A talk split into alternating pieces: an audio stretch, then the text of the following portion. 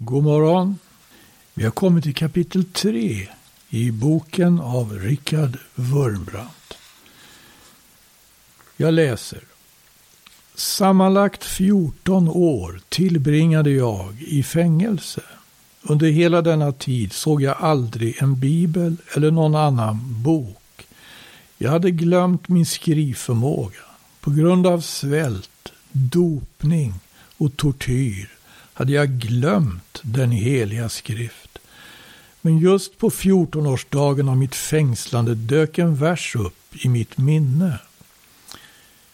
Jakob, står det i första Mosebok. Jakob tjänade för Rakel i 14 år och det syntes honom såsom en liten tid. Så kär hade han henne, eller ty han älskade henne. Kort tid därefter blev jag frigiven genom att allmän amnesti beviljades i vårt land. Mycket beroende av inflytandet från den allmänna opinionen i Amerika. Jag återsåg min hustru. Hon hade trofast väntat på mig i 14 år. Vi började på nytt ett liv i yttersta fattigdom, ty när någon fängslas tas allting ifrån honom. De präster och predikanter som frigavs kunde bli tilldelade små församlingar. En församling i staden Orsova tilldelades mig. Kommunisternas kult kultdepartement meddelade mig att den utgjordes av 35 medlemmar och varnade mig att det aldrig fick bli 36.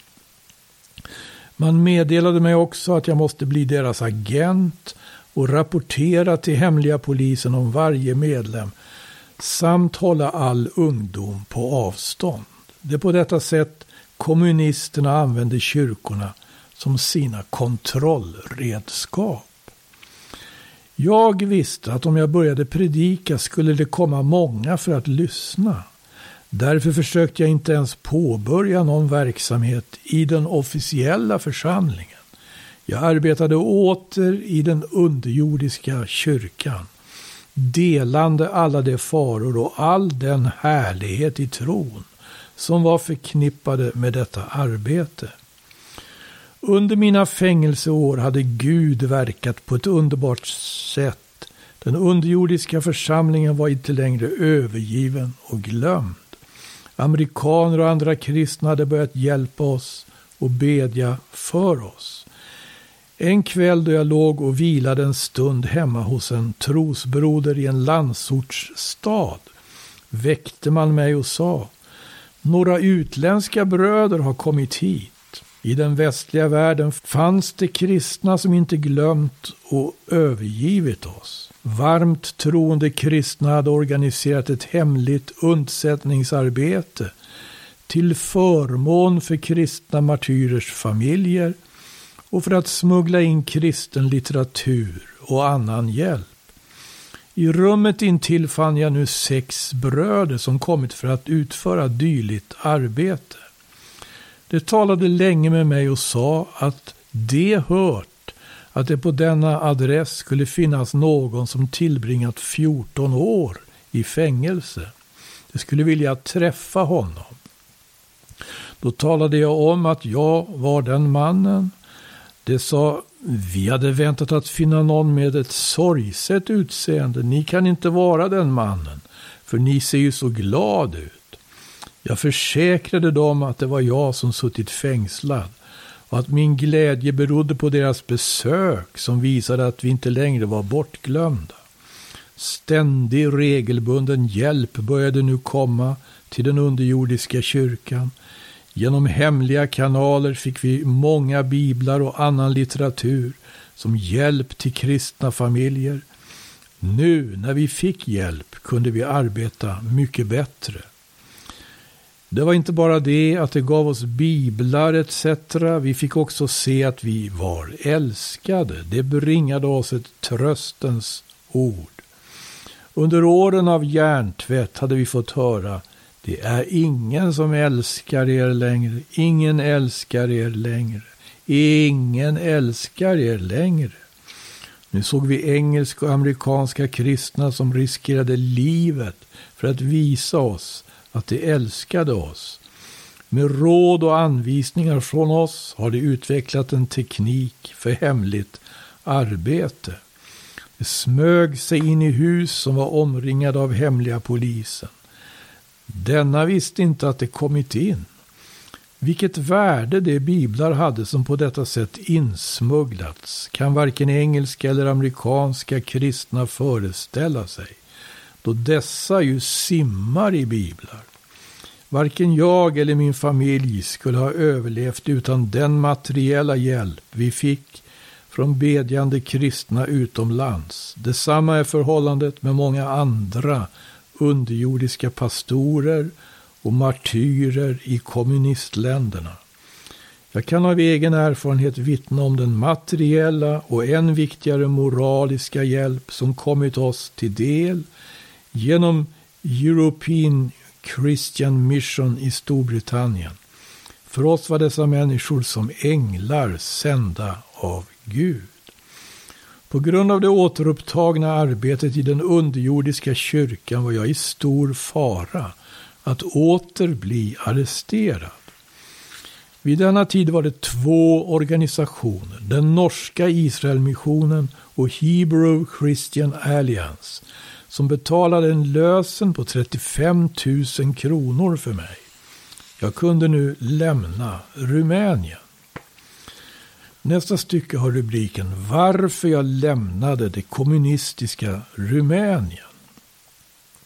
Alla, alla faror till trots skulle jag dock inte ha rest därifrån om inte ledarna för den underjordiska kyrkan hade rått mig att använda detta tillfälle att lämna landet för att bli deras röst i den fria världen.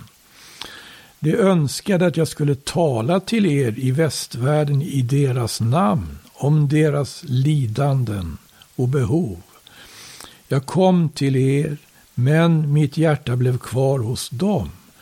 Om jag inte insett den stora nödvändigheten av att ni fick höra om den underjordiska kyrkans lidanden och modiga arbete skulle jag aldrig ha lämnat Rumänien. Detta är min mission. Innan jag lämnade Rumänien blev jag två gånger kallad till hemliga polisen. Det meddelade mig att pengar mottagits för min räkning. Rumänien säljer sina medborgare för pengar på grund av den svåra ekonomiska kris som kommunismen bragt över landet. Det sa till mig, res till den västliga världen och predika Kristus så mycket ni vill. Men tala inte illa om oss. Tala inte ett ord emot oss. Vi säger er öppet vad vi planerar för ert vidkommande om ni omtalar vad ni varit med om här. Först och främst kan vi för några tusen kronor finna en gangster som kan likvidera er eller också kan vi kidnappa er.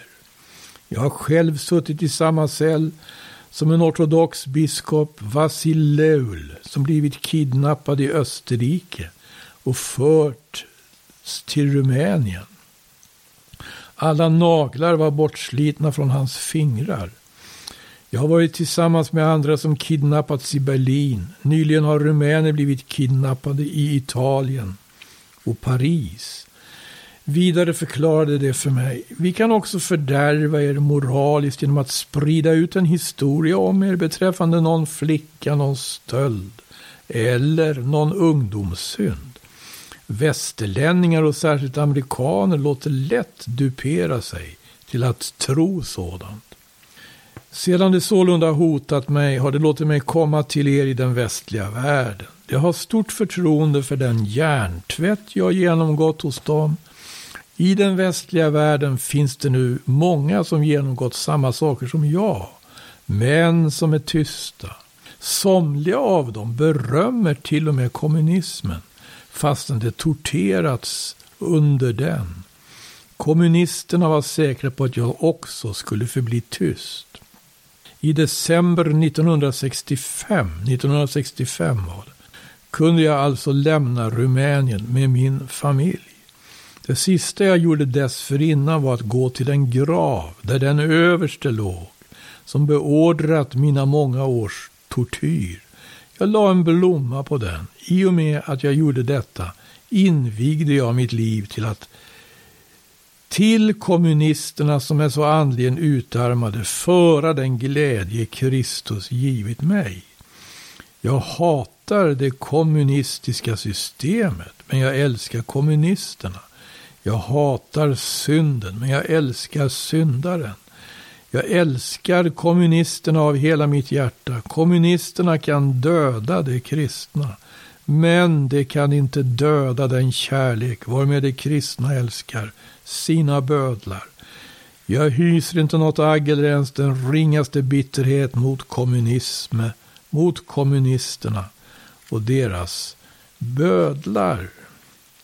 Så långt kapitel 3 i denna bok som alltså skrivits av Richard Wurmbrandt. Jag tror boken utgav sin första upplaga bara några år efter det här då. Frigivandet 1965. Jag har inte exakt årtalet. Enligt Wikipedia så utgavs boken första gången 1967. Men vi förstår att det här är ju historia nu. Och kommunistländer finns inte så många. Även om en del kommunistländer är stora. Vi har ju Kina. Vi har Nordkorea. Vi har eh, Laos, va, Vietnam och Kuba. Som man brukar räkna numera som kommunistländer. Det är ju ganska få. Fem. Mot vad som var en gång. Men den här historien är inte oväsentlig. Vi ska fortsätta läsa kapitel 4 här. Judarna har en legend som säger att när deras förfäder befriades ur Egypten och egyptierna drunknade i Röda havet så förenade sig änglarna i israeliternas triumfsånger. Men Gud sa till änglarna, Israels barn är människor som kan fröjda sig över att de räddats. Men ifrån er hade jag väntat mig mer förnuft. Inte även egyptierna mina skapade varelser.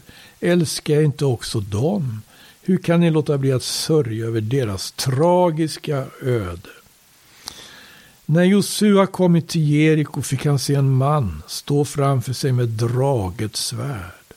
Josua gick fram till honom och sa Tillhör du oss eller våra fiender? Det här är Josuas boks femte kapitel och trettonde vers.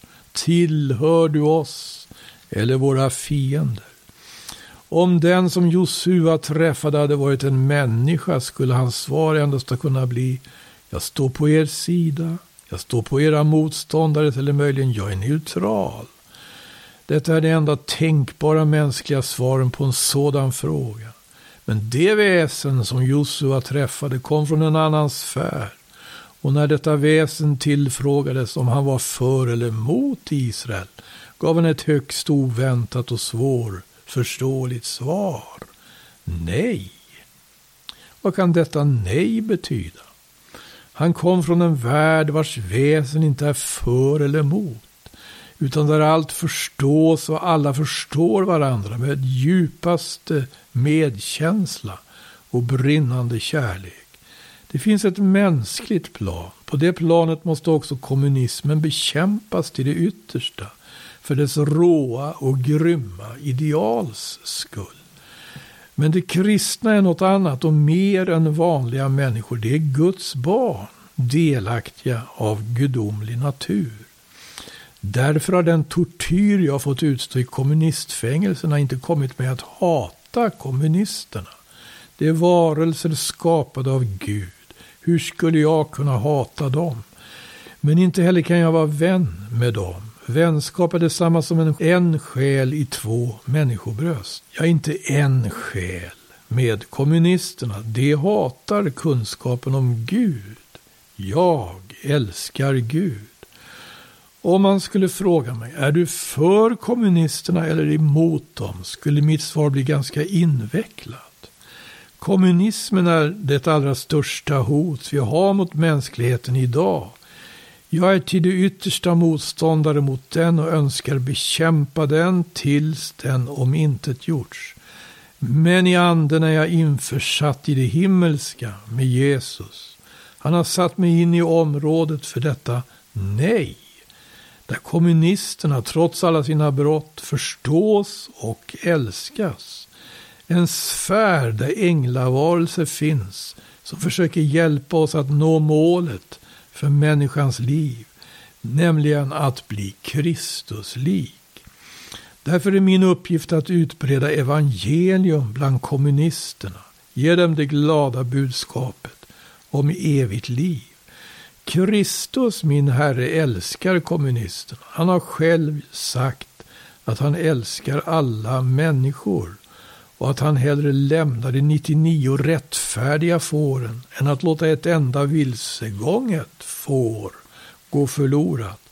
Hans apostlar och alla kristenhetens framstående lärare har undervisat om denna universella kärlek i hans namn.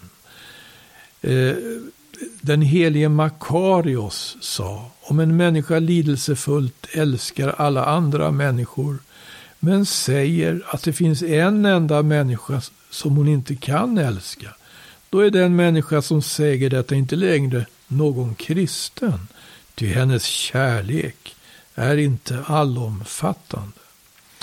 Den heliga Augustinus lär om hela människosläktet varit rättfärdigt och endast en människa varit syndare skulle Kristus ha kommit för att lida korsets död för denna enda människa. Så högt älskar han varje enskild människa. Kristendomens lära är klar. Kommunisterna är människor och Kristus älskar dem. Det gör också varje människa som har Kristi sinne. Vi älskar syndare fastän vi hatar synden. Kristi kärlek till kommunisterna kan vi förstå genom vår egen kärlek till dem. Tack vare den helige Ande.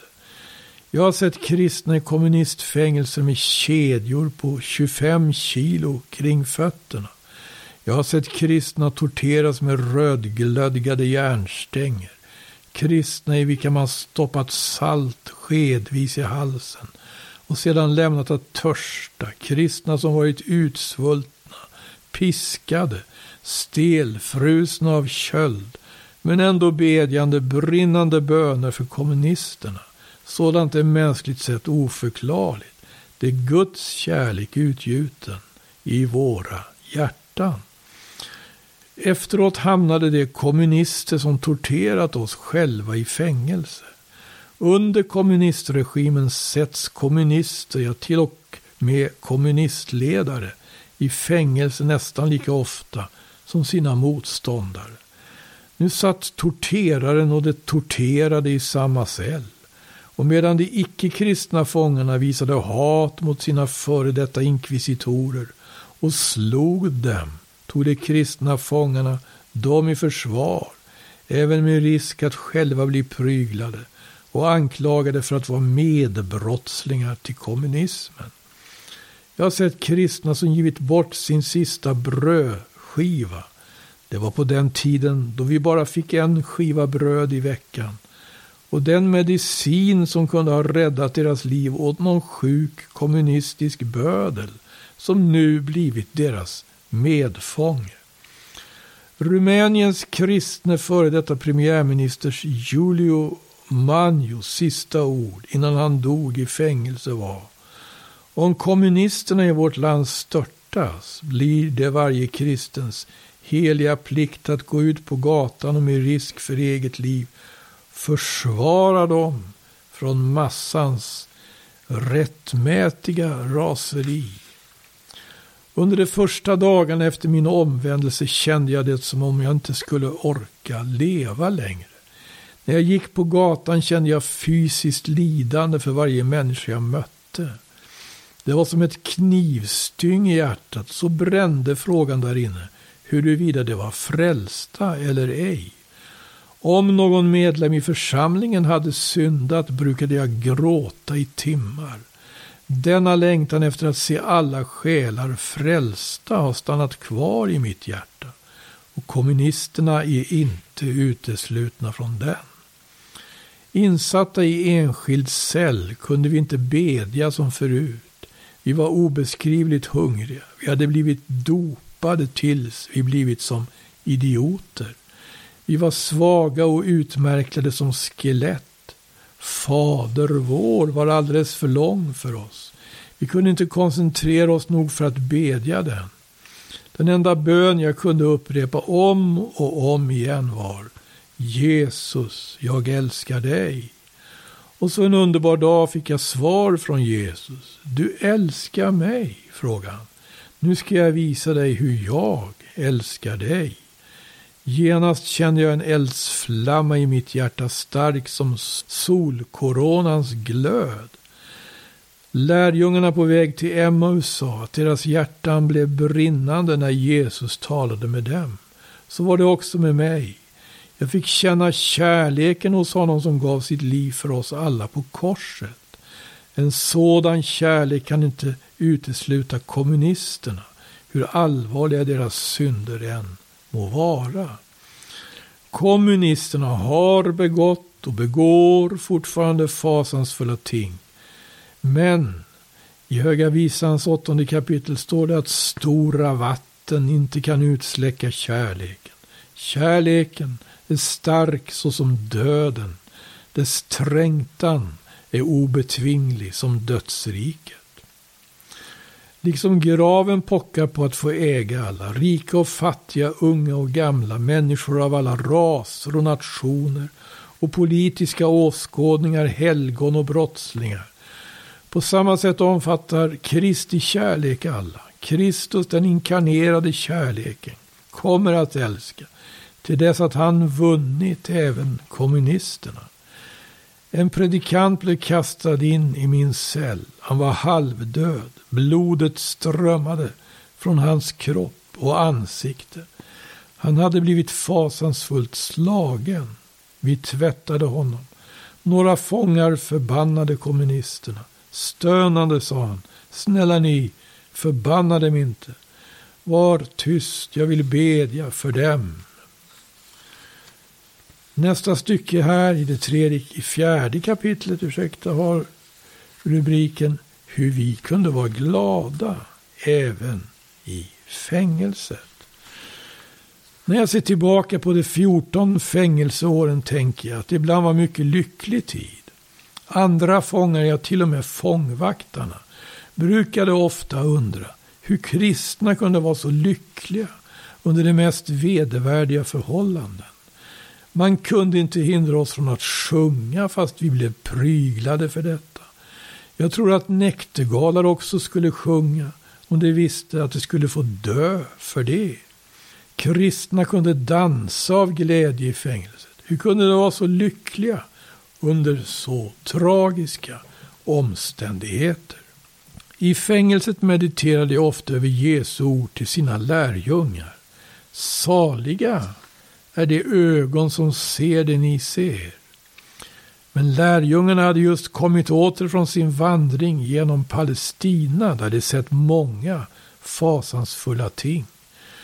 Palestina var ett land under förtryck. Överallt mötte de anblicken av det hemska eländet hos ett tyranniserat folk. Lärjungarna såg sjukdom, hemsökelser, hunger och lidanden. De kom in i hus från vilka patrioter hämtats och kastats i fängelse. Lämnande bakom sig gråtande föräldrar och hustrur. Det var inte någon vacker värld att skåda. Men Jesus säger ändå, saliga är de ögon som ser det ni ser. Detta därför att de inte sett endast lidandet. De hade sett också honom som är allas frälsare och fullkomnare målet som mänskligheten måste nå fram till. För första gången fick de liksom några fula larver som kryper omkring på bladen förstå att efter denna ömkliga existens kommer att av dem bli vackra, mångfärgade fjärilar som kan flyga från blomma till blomma. Detta var också förklaringen till vår lycka. Runt omkring mig fanns det jobbgestalter som var långt mer plågade än jobb hade varit. Jag kände till slutet på Jobs historia, hur han fick dubbelt igen mot vad han hade haft förut. Jag såg omkring mig människor liknande den stackars Lazarus, hungriga och fulla av sånader. Men jag visste att änglar skulle föra dem till Abrahams sköt i den sjaskige, smutsige och svage martyren intill mig såg jag morgondagens krönta, strålande helgon. Genom att se på människorna på det sättet, inte sådana som de är, utan sådana de ska bli, kunde jag också i förföljare som Saulus av Tarsus upptäcka blivande apostlar. Och några har redan blivit detta. Officerare vid hemliga polisen som vi vittnade för har själva blivit kristna och var lyckliga över att senare få lida i fängelse därför att de funnit vår Kristus. I fångvaktarna som piskade oss såg vi människor som hade möjlighet att bli som fångvaktaren i Filippi, som först piskade Paulus och sedan blev omvänd. Vi drömde om att de snart skulle fråga, vad ska jag göra för att bli frälst? I dessa som hånade åsåg när kristna nedsmorda med exkrementer bands fast vid kors såg vi skaran vid Golgata som snart skulle slå sig för bröstet, bävande över den synd de begått.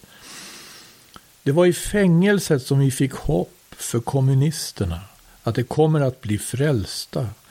Det var där som det vaknade en ansvarskänsla hos oss gentemot dem. Det var genom att bli torterade av dem som vi lärde oss att älska dem. Ja, så långt ur den här boken då, den här gången. Vi är i det fjärde kapitlet. Och det ska vi fortsätta vara ytterligare ett tag. Det fjärde kapitlet är bokens längsta kapitel.